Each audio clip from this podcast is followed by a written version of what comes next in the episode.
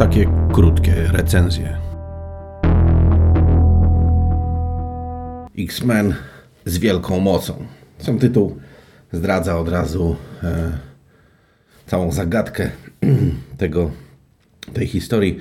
Mianowicie jest to historia o X-Men, którzy pojechali do Nowego Jorku i spotkali Spidermana. Fajnie się zaczyna, prawda? Nie? To pozwólcie, że zrobię błyskawiczne, szybciutkie streszczenie, żebyście mieli ogólny obraz. X-Men potrzebują jakiegoś takiego stantu PR-owego, żeby ludzie bardziej ich lubili. Bo teraz to oni są w ogóle fajni i ludzie powinni ich lubić. W związku z tym jadą do Nowego Jorku, zająć się jakąś sprawą. Szczerze mówiąc, nie jestem w stanie nawet powiedzieć do końca jaką. I tam spotkają Spidermana, który zajmuje się swoimi sprawami i tak przypadkiem okazuje się, że te sprawy w zasadzie to one jakoś im się zazębiają.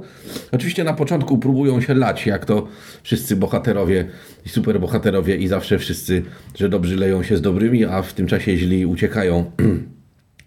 Potem się okazuje, że w kanałach w Nowym Jorku mieszkają aligatory, a potem w ogóle to się okazuje, że jest dużo dzieci, które są zaniedbane, no i one są takie w domu, nie mają miłości, nikt się nimi nie zajmuje i one spędzają bardzo dużo czasu w internecie i to jest naprawdę bardzo niedobrze. E, I to jest tyle, co ja byłem w stanie z tej historii wynieść.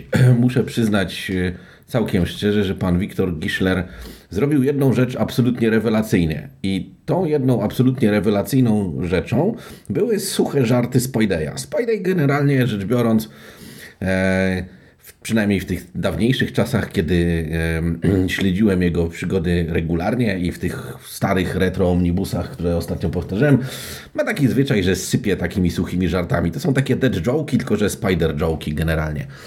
Ale to jest mniej więcej ta sama klasa. I to było jedyne, co tak naprawdę w tym albumie mi się podobało. Przeżyłem też bardzo w, no, rozczarowanie grube, dlatego że bardzo się cieszyłem, e, kiedy sprawdziłem i okazało się, że rysunki zrobił Chris Bachalo. Bardzo lubię Chrisa Bachalo, ale już teraz mogę powiedzieć, bardzo lubię starego Chrisa Bachalo. Bardzo lubię na przykład Chrisa Bachalo, który rysował wysoką cenę życia ze śmiercią z Vertigo w latach 90. Bardzo mi się podoba Chris Bachalo, który również rysował Generation X. I Chris Bachalo, który mniej więcej w podobnym okresie, niewiele wcześniej albo niewiele później, rysował trochę rzeczy do X-Menów. I Chris Bachalo, który rysował Ghost Ridera 2099. Natomiast to, co zrobił w albumie With Great Power, jest e, jakieś okropne. Wygląda tak, jakby przesiadł się zupełnie na rysowanie cyfrowe. Nie ma w tym może nic złego, ale zawsze za tym idzie pewna mm, grubość kreski, pewne uproszczenie, pewne e, zmiany w stylu i w charakterze. Być może źle to oceniam, być może się mylę, ale jego kreska, która zawsze była taka rozedrgana, delikatna, bardzo, bardzo szczegółowa, e, stała się toporna. Oprócz tego okazało się, że albo nie ma teł, albo pan Baczalo cierpi na takie totalne horror wakui i w tle wszystko jest. I niestety okazało się, że dobrali e, słabego kolorystę. Znaczy to nawet nie do końca dobrali, bo Baczalow nakładał sam kolory w, w większości albumu, więc w połowie albumu to gdzieś tam podbija moją tezę, że to było robione cyfrowo.